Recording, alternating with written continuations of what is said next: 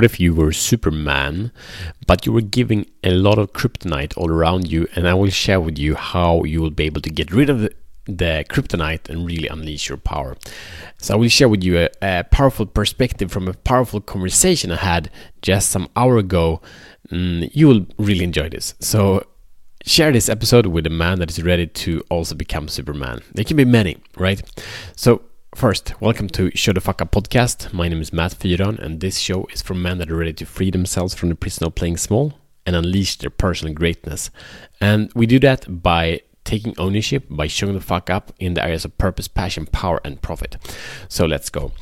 I had this conversation with an amazing man, and it's about uh, creating a partnership in both business and in life deep, deep conversation, checking in on many different perspectives, and it's really mind-boggling because this relationship dynamic that he's working with right now it has a lot of um, say shadows uh, shades of gray of issues that are about to come up. And, and he spends a lot of time with me and others to get support really uncover this so his project can really really have massive success.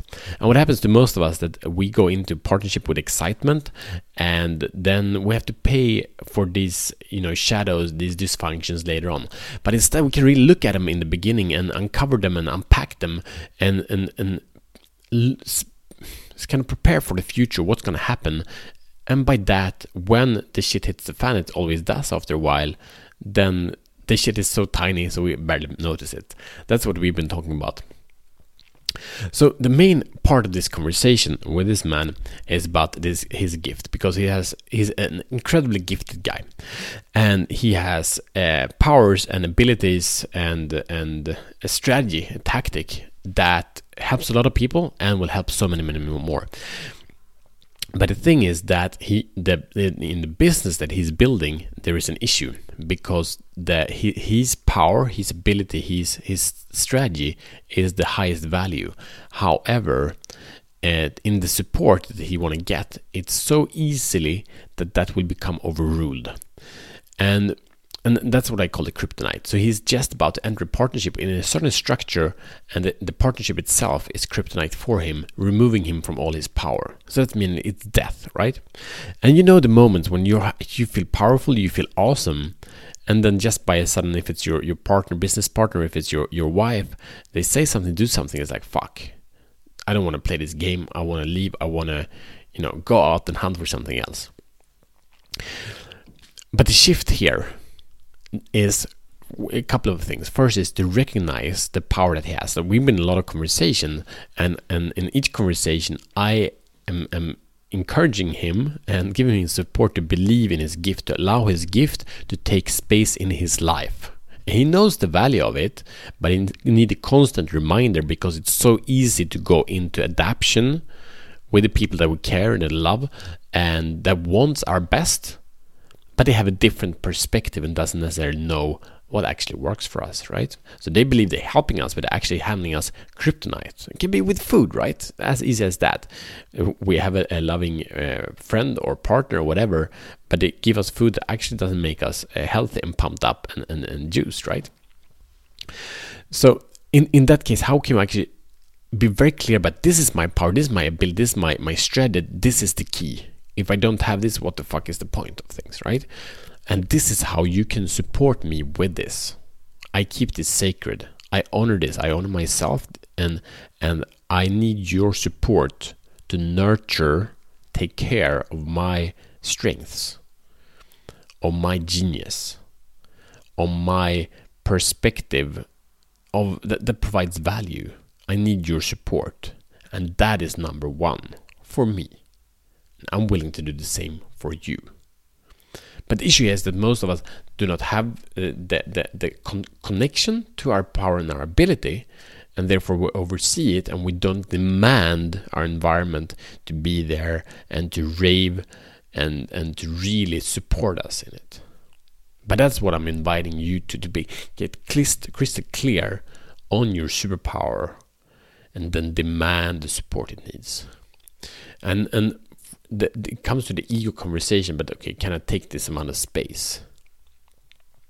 And then we go back to Marianne Williamson's uh, quote Our greatest fear is not that we are inadequate, but that we are powerful beyond measure. And it's not by, it's just something along the lines, it's not by us kind of dimming our light that we allow others to be great. It's by showing up with our full powerful, our full abilities that we give others the, the allowance so they also can show up in their power. And this is counterintuitive, but it's also really obvious. But we need the practice because so few people in the society we live in, with so much sedation, so much uh, pulling away from what actually works, from the fundamentals, from the core principles, were lured into a different culture. So, what does it look like? Your mission, should you choose to accept it, is number one, identify, get crystal clear what you are not willing to negotiate about and that is your strength, your abilities, the, the how you're actually providing value to the world, to your family, to yourself. Identify that. Number two, demand your environment to support you to be your very best. So you need to set a high standard for yourself, directly and indirectly by leveling up your environment. And you know how it is with these things. It, it might demand you to break some some relationships up to find some new ones. Because our the health of us the health of our of our world will be determined by our ability to show the fuck up where we can show the fuck up. We can't do it always. We can't save the world. We can't do it all ourselves but demand that one core thing all right share this episode with a man that is great or that's good but it's ready to become great, I should say. And also, I invite you to reach out to someone that's like, hey, I think I can support you more effectively in this. I see you have a lot to give, and, and, and the world of my family or our community, whatever it is, would be a more beautiful place if you had that support. What can I do for you? How awesome is that, right? So share it with another man and uh, subscribe a rate and review is also a big gift because it's also always fun to hear what you are experiencing through our conversation. I see tomorrow as better men.